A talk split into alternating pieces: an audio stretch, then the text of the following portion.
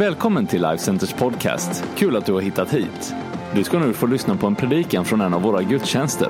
Du är alltid välkommen att besöka Life Center. All information du behöver hittar du på lifecenter.se.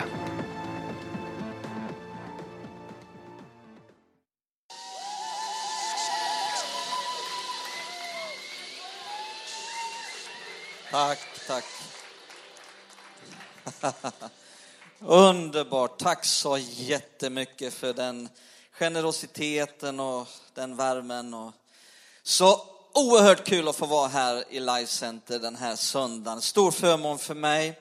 Jag älskar Life Center eh, och eh, kan bara säga samma sak, att vänskapen med PJ och Ulrika under många år nu har, har betytt jättemycket för mig och min fru Vicky som predikar hemma i Skövde idag.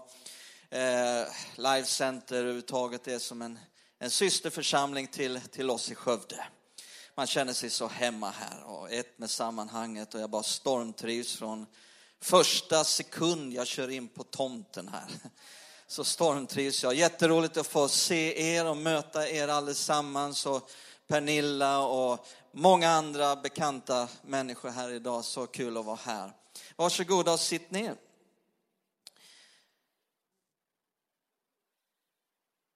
Om du har din bibel med dig så får du gärna slå upp den till psalm 34. Så ska vi läsa ett bibelställe, utgå därifrån. Men innan vi, vi läser så låt oss be tillsammans. Fader Gud, vi tackar dig i Jesu namn. Vi ber nu att vi lämnar över också resten av den här gudstjänsten till dig, till din helige Ande. Och jag ber att du ska tala till oss, ord som får förvandla, som får ge ljus i mörker, som får ge liv där det är död, som får ge hälsa där det är sjukdom, som får frälsa, som får upprätta, som får befria. För dina ord gör det när du talar. Jag ber om en uppenbarelsens ande över alla oss, oss allesammans. Att du vill upplysa våra hjärtans ögon så vi förstår det som du vill visa oss. Tack heligande att du är här och förhärliga Jesus och gör honom stor. Och att allt vad människa heter får förminskas. Tack Fader i Jesu namn. Amen. Psalm 34 så läser vi från vers 7 till 11. Här är en plågad som ropade och Herren hörde honom och frälste honom ur all hans nöd. Herrens ängel vakar runt dem som vördar honom och han befriar dem. Smaka och se. Kan alla säga smaka och se? Att Herren är god. Salig är den som flyr till honom. Vörda Herren i hans seliga, för de som vördar honom saknar ingenting. Unga lejon lider nöd och hungrar, men de som söker Herren saknar inget gott. Halleluja. Så man kunde bara stanna där och bara jubla en halvtimme och gå hem och säga att det var underbart idag. Alltså bara, det är så fantastiskt. Smaka och se att Herren är god. Mer än någonting annat så vill Gud att du ska veta att han är god. Att han är bara god, att han är alltid god, att han är inget annat än god. Och därför så betonar Bibeln detta hundratals gånger, om och om igen. Ehm, smaka och se att Herren är god. Mer än någonting annat så är det ju just detta som skapar trygghet i våra liv. Som skapar tro i våra liv, att Herren är god. Så låt oss tugga på varje ord här. Smaka och se att Herren är god. Eh, tugga på varje ord här. Smaka och se att Herren är god. Det här beskriver inte bara vad Gud gör, det här beskriver vem han är. Alltså hans personlighet, hans väsen. Smaka och se att Herren är god. Alltså, Gud vill inte bara att du ska höra talas om hans godhet. Han vill inte att du ska behöva gå på vad någon annan säger, utan han vill att du själv ska se att han är god. Det vill säga, hans godhet går att se. Hans godhet tar sig mycket konkreta uttryck. Eh, men sen vill inte Gud bara att du ska se hans godhet. Det står smak smaka och se att Herren är god. Alltså Gud vill att du ska smaka, inte bara se hans godhet. Eh, vad betyder det att smaka? Ja, det betyder någonting mer än att bara få ett smakprov på Coop Extra. Ni vet en fredag eftermiddag, man kommer in, man är superhungrig och så ska man gå runt där inne och så har de en massa smakprov. Vet du, ibland tar jag flera varv på Coop Extra och liksom käkar mig halvmätt där inne. Men man får bara en liten bit. Men när Bibeln säger att, eh, eh talar om smaka så handlar det om någonting mycket mer. Det handlar om att det blir en del av hela ens liv. Smaka betyder att erfara, att uppleva. Eh, eh, det är på samma sätt som du kan gå in på en restaurang Eh, du, du, kan gå in på min favoritrestaurang i hela Sverige. Det är Brasa i Göteborg, den brasilianska grillrestaurangen där. Och så kan du gå in och så kan du ställa dig där och se, för bara det är en upplevelse. Du kan titta på allt det här som, åh, så kan du lukta. Åh, bara det är en upplevelse. Men om du verkligen ska erfara och uppleva så måste du smaka. Då måste du börja äta det här. Eh, och Gud vill att du ska få göra det. Och så står det smaka och se att Herren är, vadå? God. Gud är god och det är det som är mitt tema här idag. Eh, och vad innefattas då i det här ordet god? Vad, in, vad, vad innehåller det här ordet? Jo, det innehåller ord som välbehaglig, vacker, vacker, excellent, rik, bra, lämplig, fördelaktig, glad, ärlig, hedervärd, rätt. Gud är god. Och det betyder att Gud är excellent. Det betyder att Gud är välbehaglig. Han är vacker. Han är rik. Gud är bra. Gud är lämplig. Kan jag få ett amen på det? Eh, Gud är, eh, han är fördelaktig. Gud är glad. Gud är ärlig, han är hedervärd. Gud är rätt. Gud är god. Och här står det att unga lejon lider brist, men de som söker Herren saknar ej något gott och lider ingen brist. Eh, varför står det unga lejon? Jo, det handlar om de yngsta, det handlar om de starkaste, de mest kapabla. De kan lida brist. Men de som söker Herren saknar ej något gott. Varför då? Jo, därför att när du söker Herren, vad finner du då? Bara goda saker. Gud är god och det betyder då att de som söker Herren, de saknar ej något gott och det betyder då att fattigdom och brist är aldrig Guds vilja och kommer aldrig från honom. Är ni med? Det är det det handlar om. Titta här i Jakobs brev kapitel 1 och vers 17. Har du jubelskorna med dig? Get ready.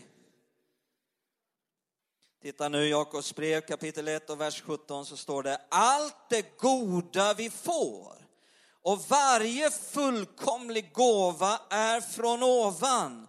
Det är det som kommer från Gud. Det kommer från ljusens far som inte förändras eller växlar mellan ljus och mörker. Andra översättningar säger här att bara goda gåvor kommer ner från ljusens fader. Eh, här står det fullkomliga gåvor. Det här ordet fullkomlig, det är en annan definition på ordet godhet. Det är det som kommer från Gud. Gud är god. Han är bara god. Han är alltid god. och inget annat än god. Och vet du vad? En god Gud vill göra goda saker. Han längtar efter det. Eh, eh, eh och, och, vi ska se det här nu, här kommer min andra härliga punkt. Gud gör, den första punkten, vad var det? Jo, det var Gud är bara god. Och nu kommer min andra punkt här. Gud gör bara goda saker. Och det här ser vi framförallt i skapelsen. Titta här i, i, i första Mosebok kapitel 1. Första Mosebok kapitel 1. Och då står det här i, i vers 3 och 4. Gud sa, var det ljus? Och det blev ljus. Gud såg att ljuset var då, vad var det? Gott. Och han skilde ljuset från mörkret. Alltså skapelsen uppenbarar för oss vem Gud är. Uh, och, och, och, och, det finns så mycket man skulle kunna säga här så att jag får försöka hålla fokus. Det, det är så mycket underbart här. Men, men, men, när ljuset blev till så tog Gud ett steg tillbaka, betraktade och så sa han, det är gott. Det betyder att, att, att det finns inget mörker i Gud. Gud kan inte göra något dåligt. Eh, till och med som domare, för Gud är en domare. Och till och med hans domar är alltid goda. Vad betyder det? De är alltid rätta. Alltid rättvisa, alltid rättfärdiga. Inte heller hans domar kan någonsin vara dåliga. Titta här i vers 9, vers 10.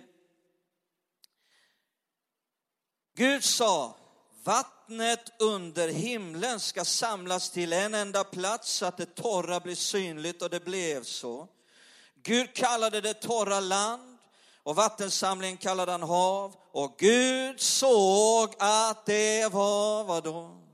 Gott. Kan alla säga gott? Halleluja. Alltså Gud såg på Mount Everest. Han såg på Stilla havet. Han såg på Hawaii och så sa han, det är gott. Det är mycket gott. Vet, ibland så kan människor undra varför Gud orsakar naturkatastrofer. Men vet du vad, han gör inte det. Han gör aldrig det. Eh, den här jorden är lagd under en förbannelse på grund av att synden kom in i världen. Och, och, och därför så håller jorden på att dö långsamt. Och därför sker naturkatastrofer. Därför våndas, säger Bibeln. Jorden våndas. Och det, det är på, på, samma sätt som du våndas över att din kropp håller på att dö långsamt. Det kanske du kände var inte goda nyheter här idag. En del försöker motverka det här. Liksom, eh, eller, eh eh, eh, eh, men ni män, ni märker liksom att hårfästet det drar sig längre och längre upp. Och, och liksom, ja, vi ska inte gå in på allt det här nu, för det kan bli väldigt deprimerande. Men, men, men av samma anledning så, som din kropp håller på att dö långsamt eh, Eh, och du våndas över det eh, och det sker av samma anledning. Eh, så, så Gud, men när Gud skapade, så skapade han jorden med ett perfekt ekosystem. Det fanns inga naturkatastrofer. Det fanns inte ens hällregn. Utan han skapade ett globalt sprinklersystem som körde igång en gång om dagen. Är inte det fantastiskt? Det var det han tänkte. Det var, och du vet, en gång, säger Bibeln, så kommer allt att bli upprättat. Ingen mer död, ingen mer förbannelse. Titta här i vers 11. Vers 11. Jorden eh, eh, frambringade grönska, fröbärande örter efter sina slag och träd som bär frukt med frö efter sina slag. Och Gud såg att det var vad då? Och det blev afton och det blev morgon den tredje dagen. Eh, du vet innan syndafallet så fanns inget svettigt arbete. Det var till och med klippfritt gräs. Jag menar, kan du se på ruttna äpplen och säga det är gott. Kan du se på tomatplantor fulla av ohyra och säga det är gott? Nej. Gud skapade det inte så. Titta i, i vers 16 till 18. Uh, ehm, Gud gjorde de två stora ljusen, det större att härska över dagen och det mindre att härska över natten och likaså stjärnorna. Han satte dem på himlavalvet till att lysa över jorden, att härska över dagen och natten och att skilja ljuset från mörkret. Och Gud såg att det var, vadå? Och det blev afton och det blev morgon den fjärde dagen. Uh, vers 20. Gud sa, vattnet ska vimla. Vimla, jag älskar det ordet. Ska vimla av levande varelser och fåglar ska flyga över jorden på himlavalvet. Gud skapade de stora havsdjuren och alla levande varelser som rör sig eh, och som vattnet vimlar av, alla efter deras slag och alla bevingade fåglar och deras slag. Och Gud såg att det var vad då? Gott! Jag menar, kan ni tänka er en värld utan fiskar och fåglar? Nej. Gud såg på vattnet och så tänkte han, vad ska det vara här? Jo, det ska vara fullt. Det ska bara vimla av fiskar. Massor av olika fiskar ska det vara. Och människan fortfarande håller ju på att upptäcka nya fiskarter. Och, och, och människan upphör aldrig att, att förundras över hur oändligt rikt havslivet är. Det här uppenbarar vem Gud är.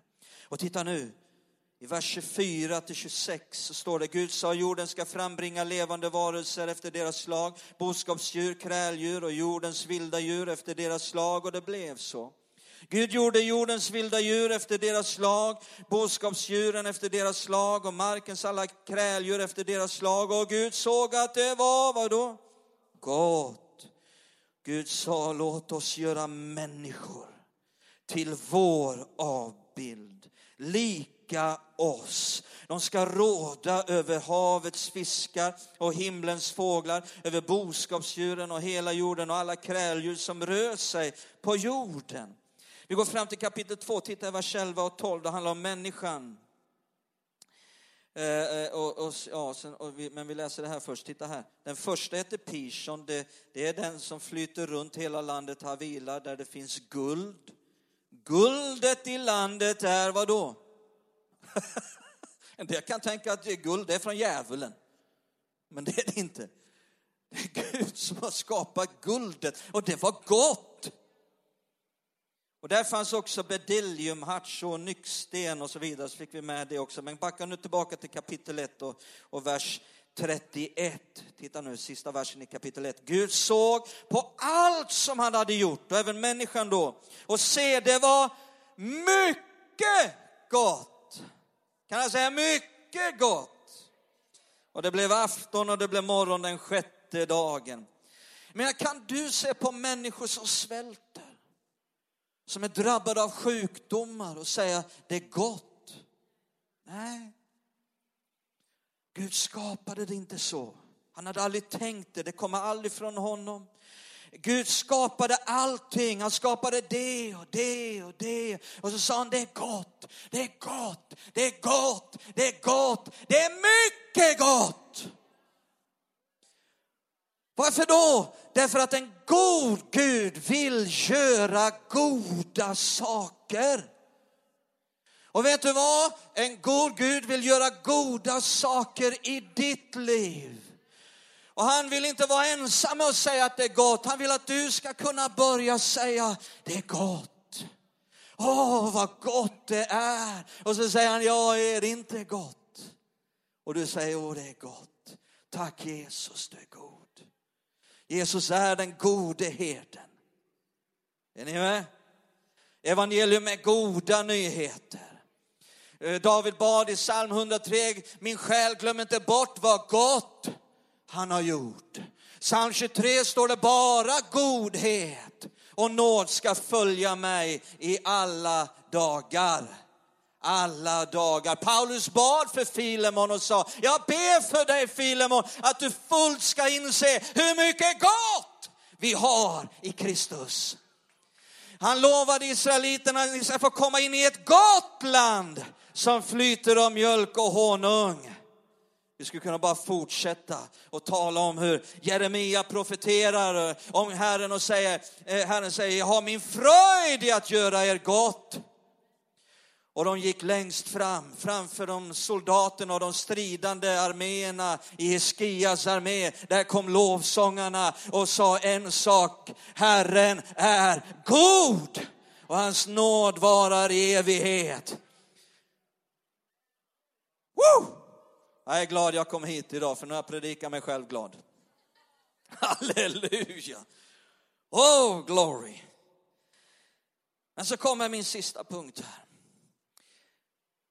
Och det är att Gud ligger aldrig bakom onda saker.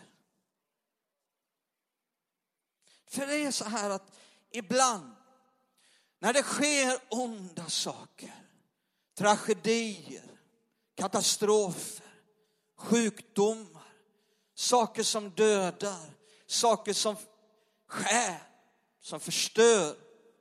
Så kan människor få för sig att, att, att Gud på något sätt ligger bakom det hela. Att han har någon, någon slags outgrundlig anledning till varför det här sker. Eh, att, att det måste finnas en mening med det som sker. Och allt det här grundas i en felaktig teologi som säger att Gud har fullständig kontroll över allt som sker i våra liv. Och att inget ont kan ske utan att det har ett syfte som vi ofta inte förstår. Eh, och kristna har ofta svårt att acceptera att det faktiskt ibland sker saker som inte var Guds vilja överhuvudtaget. Som han inte har någon mening med. Det fanns ingen mening med det som skedde. Jesus sa aldrig det finns en mening med allt som sker. Sa han det någon gång? Var står det i Bibeln? Andra djungelboken kanske? Det står inte någonstans. Jesus sa tjuven kommer för att stjäla, slakta och döda. Som något stjäl, slaktar och dödar så är det inte Gud som gör det, det är tjuven. Han sa, jag har kommit för att ni ska ha liv och liv i överflöd. Det var det Jesus sa. Men ibland så förvränger kristna bibelsammanhang för att basera tron på att Gud ligger bakom eller åtminstone tillåter med ett syfte eh, de onda sakerna som sker och vi kan helt enkelt inte förstå. Till exempel så kan människor citera Bibeln och säga Guds vägar är outgrundliga. Lika hög som himlen är över jorden, lika mycket högre är hans vägar än våra vägar. Och vi kan inte alltid förstå hans vägar. Vi förstår hans vägar bättre ovan där. Oj, nu kommer jag in på det. Det, det, det finns en sång jag har förbjudit i vår kyrka och det är den sången. Den får ingen sjunga. Börjar någon sjunga, går jag upp och avbryter. Vet du vad jag brukar sjunga? Jag förstår hans vägar väldigt bra nedan och redan här. Det är min sång. Ja, men det där bibelstället ändå, ska vi... Ja, låt oss gå och titta på det. Jesaja 55. Håll i dig. Kanske trillar av stolen. Titta nu i Jesaja 55, vers 7. Nej, vers 8. Vi tar vers 8 först här. Vers 8 och 9. Jesaja 55, 8 och 9. Mina tankar är inte era tankar och era vägar inte mina vägar, säger Herren. Nej, liksom himlen är högre än jorden så är mina vägar högre än era vägar och mina tankar högre än era tankar. Ja, men se där Sven. Ja, se vad då? Ja, men det står ju där, vi kan inte förstå. Jo, nej, det står ju inte. Det står ingenstans där att vi inte kan förstå hans vägar. Det enda som står är att hans vägar är högre än våra. Om man nu börjar läsa verserna innan och verserna efter så ser man att det faktiskt står tvärtom. Att vi mycket väl kan förstå hans tankar och hans vägar som är mycket högre än våra tankar och våra vägar. Ska vi göra det? Vi backar upp en vers. Backa upp en vers, titta i vers 7. Den, läs långsamt nu. Den ogudaktige ska lämna sin, vadå? Väg. Vad handlar det om för väg där? Ogudaktiga vägar naturligtvis. Mm. Den orättfärdige sina tankar. Vad handlar det om för tankar? Orättfärdiga tankar och vänd om till Herren så ska han förbarma sig över honom och till vår Gud för han vill gärna förlåta. Mina tankar, mina rättfärdiga tankar är inte era orättfärdiga tankar. Och era vägar, det vill säga era ogudaktiga vägar, är inte mina vägar för de är gudaktiga. Det är allt som står.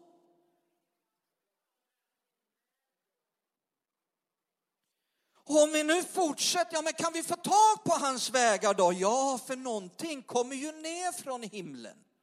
Kanske man inte tror en sån här torr sommar. Men det kommer faktiskt ner någonting. Det kommer ner regn, det kommer ner snö och det kommer ner någonting från Guds himmel som kan göra att vi kan förstå alla hans vägar och alla hans tankar. Titta nu nästa vers, vers 9. Nej, liksom äh, vers 10 kommer verserna efter. Liksom regnet och snön faller från himlen och inte återvänder dit utan vattnar jorden så att den blir fruktbar och grönskar och ger säd till att så och bröd till att äta. Så ska det vara med ordet som går ut från min mun. Det ska inte komma tillbaka till mig förgäves utan har gjort vad jag vill och utfört vad jag sänt det till. Så på samma sätt så kommer Guds ord ut från Guds himmel, från hans mun och faller ner, kommer ner till oss. Så om vi ska kunna förstå hans vägar och hans tankar så behöver vi fylla oss med hans ord.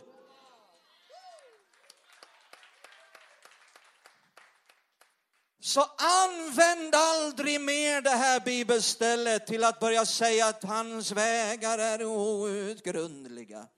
Och vi förstår inte hans vägar och vad han kunna mena med detta. Sluta med det, gör aldrig mer det. För det här bibelstället handlar om raka motsatsen. Och nu är det underbara att Gud är så god han är så god så han har en fantastisk förmåga att vända runt på det onda. Så god är han. Det som han inte låg bakom, det som inte var hans vilja överhuvudtaget, så kan han ändå, han är fantastisk på detta, att vända det som var ont till någonting gott. Titta här vad, vad Josef säger i första Mosebok 50 och vers 20. Så ska vi avsluta där. Första Mosebok 50 och vers 20.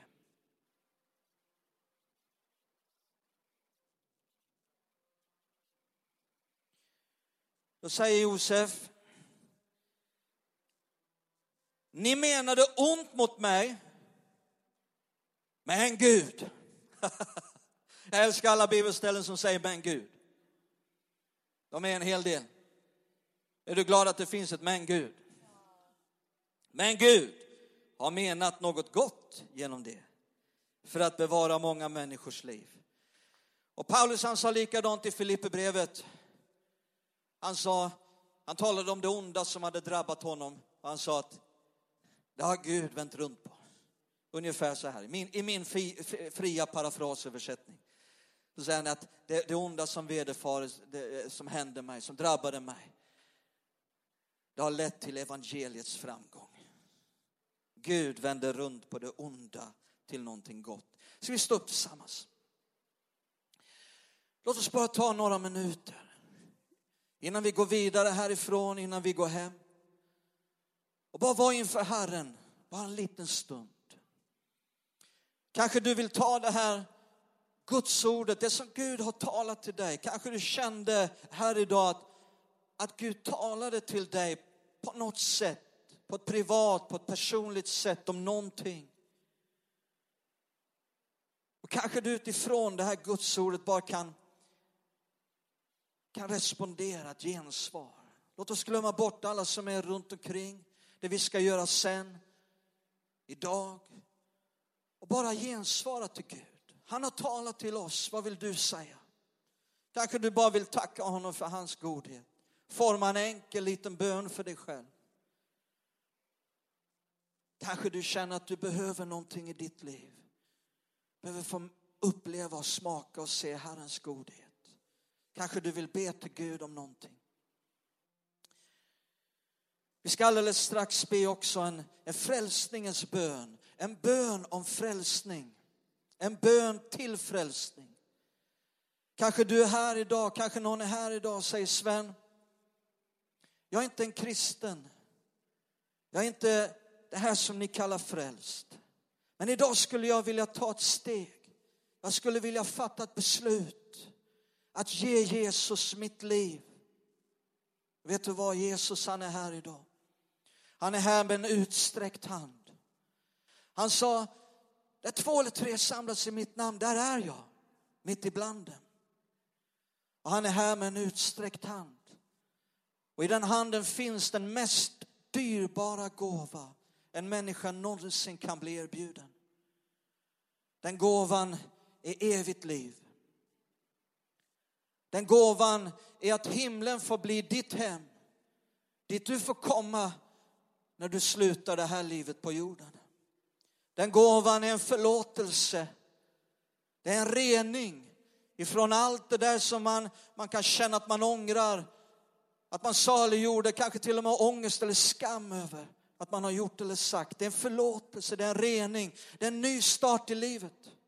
Det är en ny mening med livet. Den gåvan är en glädje, det är en frid som inte är beroende av hur det är runt omkring utan som bär genom allt. Det är den där gåvan vi kallar frälsning. Och anledningen till att Jesus kan erbjuda dig den, det är att han för 2000 år sedan dog på ett kors. Och på det korset där tog han min synd. Där tog han din synd. Där tog han vårt straff istället för oss, vår död. Men man kan säga, nej tack. Jag behöver inte det. Jag behöver ingen som dog för mig. Jag behöver inte Jesus som någon frälsare eller Herre. Men man kan också säga ja tack till den gåvan. Man kan säga jag behöver det. Jag behöver dig Jesus. Jag behöver att du dog för mig. Jag behöver dig som min Herre, min frälsare. Jag vill ge dig mitt liv. Jesus, jag vill ge dig mitt liv. Vi ska göra det väldigt enkelt. Jag skulle önska att vi alla böjde våra huvuden och slöt våra ögon i en liten stund i respekt för varandra. Så vill jag ställa den här frågan och göra en inbjudan. Och vi gör det enkelt att jag räknar till tre, när jag kommer till tre, du som vill ta emot denna frälsningens gåva, då bara sträcker du upp din hand. Om du säger att jag vill ge Jesus mitt liv, då bara sträcker du upp din hand. Så medan alla ögon är slutna, alla huvuden är böjda, här kommer det. Gör din hand redo. Ett, två, tre. Lyft din hand var du än är. Du som vill ta emot denna gåva. Gud välsigne dig, jag ser din hand. Finns det någon mer här? Jag vill ta emot. Gud välsigne dig, jag ser din hand. Finns det någon mer här idag? Gud välsigne dig, jag ser din hand. Finns det någon mer som vill säga ja tack? Ja tack till den här gåvan. Vi gör så här att vi ber en enkel frälsningens bön. Även du som har varit kristen i många, många år. Vi ber hela kyrkan tillsammans. Om du är ovan att be så kan du be efter mig och så ber vi så här. Jesus, jag kommer till dig. Tack att du dog för mig. Det var min synd som du tog. Du blödde för mig. Jesus, jag tackar dig att du har sagt att ingen som kommer till dig ska du någonsin kasta ut. Förlåt mig att jag har vandrat mina egna vägar. Nu vill jag vända om. Jag vill följa dig. Jag vill ge dig mitt liv, Jesus. Jesus var min Herre, var min Mästare. Fader Gud, jag vill få vara ditt barn. Jag vill få tillhöra ditt rike. Fräls mig nu. I Jesu namn.